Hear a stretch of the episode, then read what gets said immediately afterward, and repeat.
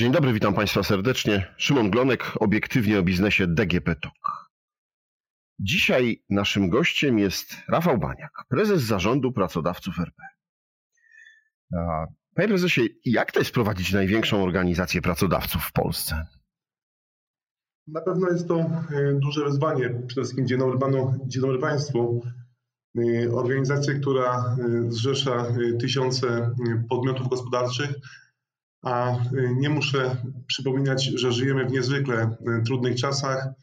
Trudnych czasach, jeżeli chodzi o tak zwane środowisko prowadzenia biznesu, bo gdzie nie spojrzymy, same ryzyka, same trudności i taki wszechogarniający bałagan bo począwszy od y, kwestii regulacyjnej, a tu mówię głównie o kontekście Polskiego Ładu, przez y, sytuację pandemiczną, która y, również powoduje dużą niepewność, sytuację międzynarodową, nie muszę opisywać wątku potencjalnego konfliktu Y, na Ukrainie u naszego najbliższego sąsiada i ważnego partnera gospodarczego, no to wszystko powoduje, że y, przedsiębiorcy, firmy y, zrzeszone w naszej organizacji zgłaszają szereg problemów i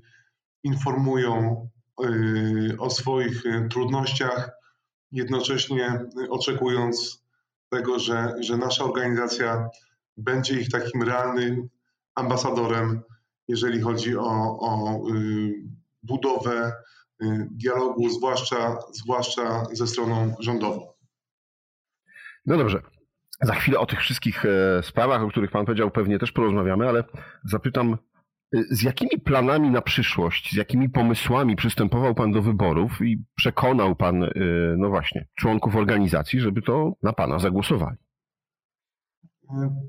To co dostrzegam, to potrzeba wspólnoty, jeżeli chodzi o firmy, o przedsiębiorców, o, o, ludzi, którzy tworzą naszą organizację. Bo to, co istotne i to, co chciałbym podkreślić, to to, że, że organizacja nie ma być samotną wyspą, nie ma żyć dla samej siebie, ale ma żyć dla członków, dla firm i przez te firmy ma być tworzona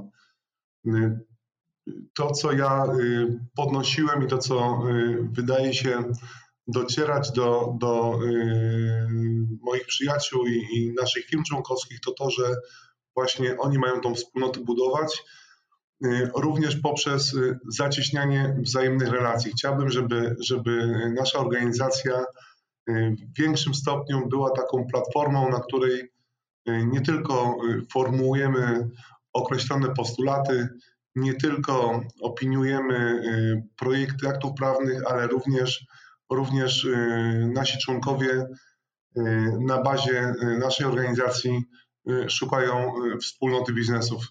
To wydaje mi się, że dzisiaj jest bardzo istotne.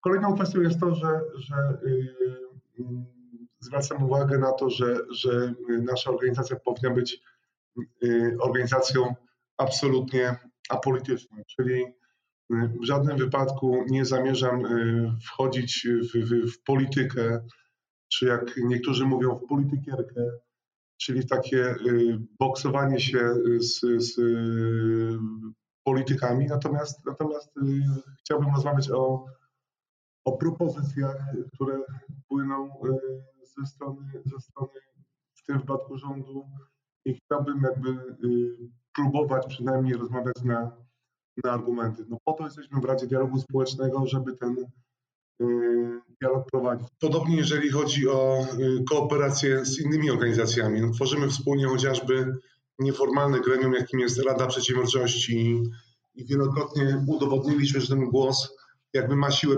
przebicia, no, chociażby y, ostatnie nasze wystąpienie dotyczące, czy wystąpienia dotyczące przyznawania y, koncesji dla, dla y, dwóch kanałów telewizyjnych. No wydaje mi się, że, że to stanowisko było jednak słyszalne i, i uważamy zgodnie, że, że mieliśmy wpływ na finalne decyzje Krajowej Rady Radiofonii i Telewizji, więc chciałem podkreślić to, że, że z jednej strony samodzielnie jako organizacja chcemy prowadzić dialog z rządem, ale też wspólnie z innymi organizacjami pracodawców yy, w Radzie Dialogu Społecznego, ale też z, wspólnie z innymi największymi organizacjami biznesowymi w Radzie Przedsiębiorczości chcemy mówić głosem biznesu, ale co dla mnie szczególnie istotne, chcemy mówić głosem Y, naszych, naszych członków.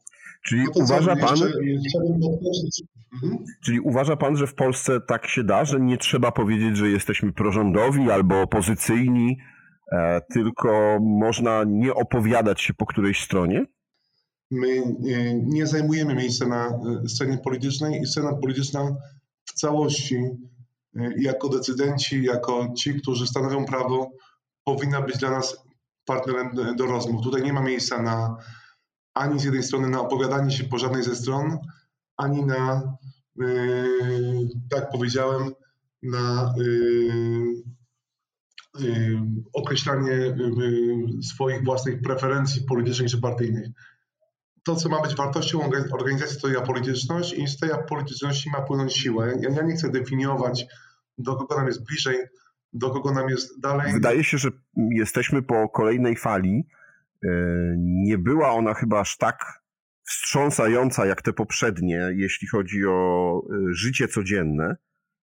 Mm, jak e, biznes do tego podchodzi? No bo przy tej okazji pojawiły się pomysły przymusowych szczepień, sprawdzania, czy pracownicy są zaszczepieni. Czy to jest rzeczywiście potrzebne? Przede wszystkim y, chcę powiedzieć, że sytuacja pandemiczna i związane z tym ograniczenia aż po skrajność, jakim były po skrajności, jakimi były y, lockdowny, to coś najgorszego, co się mogło przytrafić. I to rzeczywiście naruszyło procesy w firmach, procesy w firmach produkcyjnych, usługowych, Y, zerwało wiele łańcuchów dostaw. To jest bardzo ciężkie dzisiaj do odbudowania. I to, co znowu jest szczególnie istotne i na co y, wielokrotnie jako pracodawcy RP zwracaliśmy uwagę, to właśnie przewidywalność, umiejętność komunikowania tego, co się może wydarzyć przy zmianie określonych parametrów zjawisk pandemicznych. Nie może być tak, nie chcę przypominać y, chociażby zamykania y, cmentarzy z dnia na dzień. Ludzie się muszą móc do tego przygotować, bo to nie tylko zakłóca procesy gospodarcze, to nie tylko powoduje, że naruszona jest relacja pomiędzy partnerami biznesowymi, ale też powoduje określone zachowania konsumenckie. Yy, dlatego, dlatego niezwykle istotne jest to, żeby, żeby ta wiedza była odpowiednio wcześniej przekazana do tych, którzy jednak, yy, tak mówię, podejmują osobiste ryzyko, prowadząc działalność gospodarczą. Jeżeli popatrzymy na yy, ostatnią falę pandemii, to rzeczywiście tych ograniczeń mieliśmy stosunkowo niewiele i były one wcześniej wiadome, dlatego ten ostatni czas y, nie spowodował aż tak wielkich y, strat w gospodarce. Natomiast y, cała pandemia jako zjawisko już dzisiaj około dwuletnie, no to jest rzeczywiście bardzo potężne naruszenie tak zwanych relacji gospodarczych. Mieliśmy parasol państwa chociażby w, w kolejnych odsłonach Y, tarcz, y, które, które y, prowadził PFR i, i tutaj te starania rządu absolutnie doceniamy. Natomiast to, czego zabrakło, to takiej przejrzystości, jeżeli chodzi o komunikację, przewidywalność tego, co się ma wydarzyć. Podobnie jeżeli chodzi o kwestię, o szczepień. My jako zarówno Rada Przedsiębiorczości, jak i E, cała strona społeczna, czyli wspólnie ze związkami zawodowymi e, w Radzie Dialogu Społecznego apelowaliśmy do rządu o podjęcie zdecydowanych działań, jeżeli chodzi o intensyfikację szczepień, no to się powiodło, powiedzmy sobie umiarkowanie, ciągle nie osiągnęliśmy pułapu 60% pełnego wyszczepienia. No oczywiście jako społeczeństwo, bazując na opiniach ekspertów, nabieramy tej, tej odporności populacyjnej, bo część osób jest zaszczepionych, część jakby przeszła chorobę. Natomiast no to często, jeśli chodzi o działania, to były one opóźnione albo, albo widzieliśmy ich brak. No tak, ale czy yy, taka możliwość, jaka, jaka była dyskutowana i czy żeby pracodawcy mogli sprawdzać, kto jest zaszczepiony, a kto nie i ewentualnie E, tych niezaszczepionych, nie wiem, nie dopuszczać do pracy, to jest interesujące rozwiązanie z punktu widzenia pracodawców? Interesujące jest to, żeby pracodawca e, miał wiedzę na temat tego, e, kto spośród jego załogi jest chory, kto może pracować. To jest interesujące. No, natomiast jeśli chodzi o rozwiązania, to tu nie jest naszą rolą wyręczać rząd, więc, więc oczekiwaliśmy od rządu, że to rząd jakby przygotuje y, zestaw działań i zestaw możliwości, które, które y, mm, będzie miał na swojej ręce pracodawca, przedsiębiorca, jeżeli chodzi o sprawdzanie, weryfikację osób przystępujących do pracy. Nie muszę podawać przykładów chociażby firm branży spożywczej, gdzie yy, osoby chorej do, do procesu produkcji powoduje nie tylko Yy, konieczność yy, wyłączenia yy, pewnego segmentu produkcji, ale też nadwyręża bardzo mocno zaufanie z jednej strony innych pracowników, ale też potencjalnych klientów, kontrahentów, którzy mają określone, określone podejrzenia, że, że coś jest nie tak, jeżeli chodzi o, o jakość tej produkcji. Więc, więc to jest bardzo istotne nie chodzi o to, żeby, żeby pracodawca sam jakby indywidualnie miał zwyczajną możliwość yy, sprawdzania. Chodziłoby o to, żeby to było jasno zdefiniowane, kto w jakich warunkach, kiedy może sprawdzać, yy, żeby to było po prostu przedstawione w sposób przejrzysty. Nie, nie żeby była dobrowolność czy, czy, czy, czy jakaś szczególna uznaniowość oczekiwaliśmy od rządu, że to będzie bardzo mocno sparametryzowane. Y, wtedy pracodawca ma możliwość jakby dopasowania cyklu produkcji, y, skorzystania z możliwości, jakie daje kultura organizacyjna, do tego, żeby tym procesem, procesem swojej, w swojej firmie zarządzać. Czy mamy już w Polsce spiralę płacowo-cenową? E, jak inflacja wpływa obecnie na przemysł? No, panie redaktorze, inflacja dzisiaj przebija najśpiewsze prognozy, a takie uspokajające tezy o jej przejściowym charakterze z perspektywy czasu mm, osłabiły y, wiarygodność Banku Centralnego, y, chociaż prawdą jest, że nie jest to zjawisko y, tylko lokalne, ale możemy mówić o, o zjawisku globalnym. W Polsce być może jest to widoczne w sposób szczególny. Oczywiście stanowi jedno z największych zagrożeń dla stabilności ekonomicznej w najbliższych latach. Y,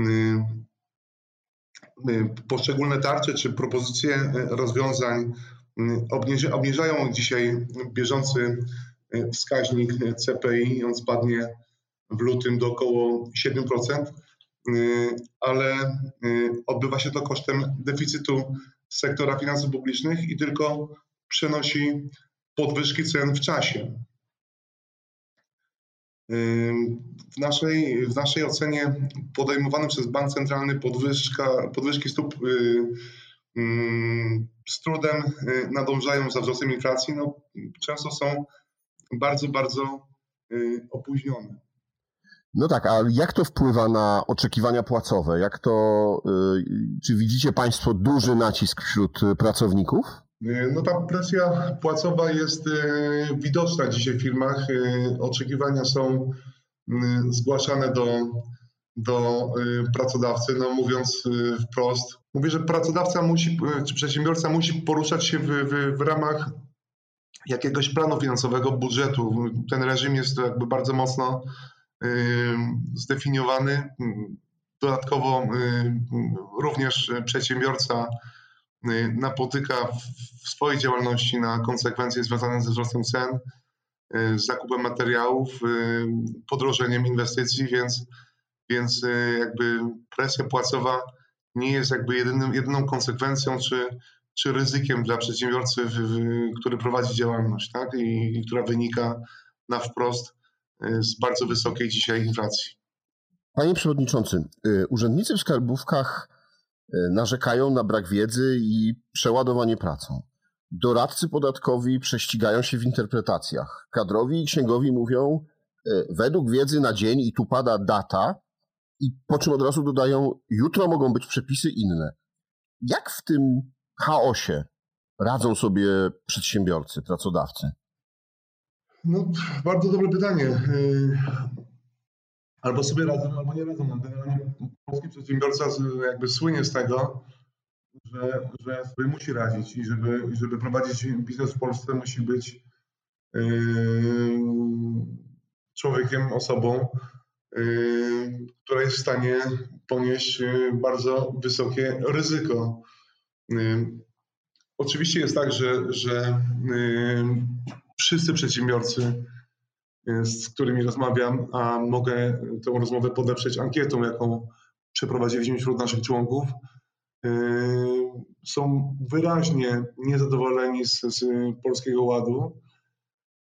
I nawet nie, nie, nie jest dyskusja o tym, jak zmienia się wysokość podatków, tylko ognisko dyskusji to jest rozmowa o bałaganie, jaki Polski Ład wprowadził. Tak jak Pan słusznie zauważył, doradcy podatkowi, księgowi, ale też sami urzędnicy Krajowej Administracji Skarbowej są, są y, mocno niepewni, jak się mają poruszać w, w gąszczu tych przepisów. Przypomnę, że mówimy o, o y, zmianie ustaw podatkowych, które zostały uchwalone na koniec listopada 2021 roku, które wchodzą, weszły w życie z dniem 1 stycznia 2022, czyli, czyli yy, potencjalne vacatio legis to jest około miesiąca.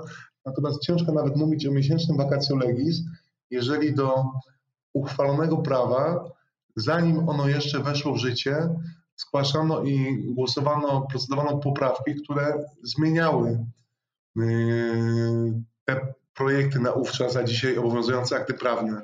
Również dzisiaj mamy yy, kolejne próby yy, łatania tego bubla legislacyjnego, bo tak trzeba nazywać wprost to, co zostało przygotowane, a co dzisiaj potwierdzają rządzący od prezesa partii rządzącej przez premiera, a, a w sposób szczególny przez Y, ministra y, do niedawna, do ministra finansów, który mówi o tym, że nie był w stanie de facto kontrolować tego, co dzieje się, jeżeli chodzi o y, szczegóły, szczegóły rozwiązań, które były proponowane. Więc jeżeli mówimy o takim bałaganie, no to ciężko, żeby sobie móc dzisiaj radzić. Przypomnę tylko, że nawet Zyta Kilowska, kiedy wprowadzała nową skalę podatkową, za pierwszego rządu PiSu y, wprowadziła trzyletnie vacatio legis. My apelowaliśmy jako Rada, Przedsiębiorczości, że absolutnie y, nie stać nas na, na y, funkcjonowanie w takim bałaganie, który jeszcze nałożymy na, na skutki ostatniego okresu pandemii, no, w całości tworzymy, tworzymy dla przedsiębiorcy no coś, co jest y, do niedawna niewyobrażalne, a z czym przedsiębiorca na co dzień musi, musi się borykać. Dlatego jako Rada Przedsiębiorczości apelowaliśmy i apelujemy cały czas i do pana prezydenta, i do, i do rządu, żeby jednak y, cofnąć się i, i, i zawiesić te rozwiązania. Być może pozostawić to, co korzystne, natomiast, natomiast siąść do stołu z tymi, którzy y, płacą podatki w Polsce, którzy tworzą miejsca pracy, i żeby y, wspólnie y, napisać y, nowe podatki od nowa, żeby, żeby ten system był jasny, przejrzysty. Uważam, że to jest to mniejszy koszt niż, niż ten, który został nam dzisiaj zafundowany. A czy to nie jest tak, że tracimy czas na głowienie się nad podatkami, nad tym, jakie obowiązki będą mieli przedsiębiorcy jutro, pojutrze, a cały świat dookoła szybko się modernizuje. Inwestuje w energię odnawialną, zmniejsza ślad węglowy. No i to wszystko doprowadzi, że przestaniemy być konkurencyjni, że spadek naszej konkurencyjności w ciągu, nie wiem, kilku najbliższych lat będzie gigantyczny. Oczywiście jest takie ryzyko i my je też podnosimy i dostrzegamy, bo słusznie Pan zauważył. Polski Ład, galopująca inflacja, sytuacja międzynarodowa, to co mamy zafundowane, jeżeli, o cen, jeśli chodzi o ceny energii, no to tak Pan mówi, zamiast skupiać wysiłek, skupiać środki na inwestycje, które, które trzeba nazywać rozwojowymi, czyli takimi, które również wpisują się w, w, w eliminację, jak nazywają eksperci, pan powtarza, śladu węglowego, no skupiamy się na w dużej mierze zarządzaniu bieżącym bałaganem i bieżącą niepewnością. To oczywiście jest bardzo zły symptom i, i, i jest w pełni występujące ryzyko, takie, że świat będzie nam odjeżdżał, a my zostaniemy. Absolutnie widzimy takie ryzyko i, i, i to ryzyko widzą nasi członkowie. Tak powiedziałem, yy, wracając do Polskiego Ładu, panie redaktorze, yy, sporządziliśmy ankietę dla naszych członków i proszę sobie wyobrazić, że, że zaledwie jedna odpowiedź była umiarkowanie pozytywna, wszystkie inne odpowiedzi były mniej lub bardziej negatywne. No, czyli, czyli adresaci rozwiązań, yy, mówię o naszych członkach, są yy, w druzgocącej większości niezadowoleni z tego, co, co nam yy, dzisiaj zaserwował yy, rząd. Co w najbliższym czasie powinno się wydarzyć? Co w najbliższym czasie realnie, Pana zdaniem, może się wydarzyć, E, żeby Polska wróciła na ścieżkę szybkiego rozwoju, żeby opanować tą szalejącą inflację? No to, co musi się wydarzyć i, i, na co zwracam uwagę, to, to yy, mówimy o takiej perspektywie yy, średniookresowej, dwu, trzyletniej. Yy, musi yy, nastąpić jakby nawiązanie relacji i, i yy, jeśli chodzi o dialog społeczny, yy, który jest bardzo delikatnie mówiąc, nadwątlony, czyli rząd musi y, zacząć słuchać głosu biznesu. I tak, cieszy nas, że pojawił się y, pełnomocnik y, do spraw Polskiego Ładu w Ministerstwie Finansów w postaci ministra Sobonia. Natomiast to, czego brakuje, to, tak powtarzam, realnego dialogu, bo to nie jest urzędnik z urzędnikiem, nie wymyśli dobrego prawa dla przedsiębiorcy. Potrzebna jest taka otwartość, przyjście do jednego stołu i szukanie wyjścia z tej beznadziejnej sytuacji. Podobnie rzecz się ma, jeżeli chodzi o kwestie energetyki, jeżeli chodzi o, o y, kwestie inflacji. No, potrzebny jest taki bardzo realny dialog, bo rząd nie jest sam dla siebie, rząd jest dla, dla, dla Polaków, ale w tym wypadku rząd jest dla, dla przedsiębiorców i, i dlatego o ten taki prawdziwy dialog y, apelujemy i o to, żeby żeby ci, którzy decydują dzisiaj o losach polskiej gospodarki, zechcieli się y, wsłuchać w głos przedsiębiorców, bo nie może być tak, że, że słyszymy, że na coś się zgadzamy w, w, w ramach pracy w Komisji Europejskiej, w, w Radzie Unii Europejskiej, później się okazuje, że to było ponad naszymi głowami i, i jakby winowajców y, szuka się, szuka się w Brukseli. No przecież y, polski budżet był zasilany wpływami z chociażby praw do emisji, y, a te pieniądze do, energetyki, do energetyki, do transformacji y, finalnie nie trafiły albo trafiły w bardzo niewielkim stopniu, więc, więc tutaj szukałbym jakby, y, czyli w tej rozmowie, ale takiej realnej rozmowie i w realnych działaniach sposobu na, na, na wyjście z tego, co nam grozi, czyli, czyli pozostanie w tyle za, za Zachodem, za Europą Zachodnią. Dziękuję panu bardzo za rozmowę. Moim i państwa gościem był pan e, Rafał Baniak, prezes zarządu pracodawców RP. Dziękuję. A ja zapraszam do słuchania naszych następnych podcastów. Do usłyszenia.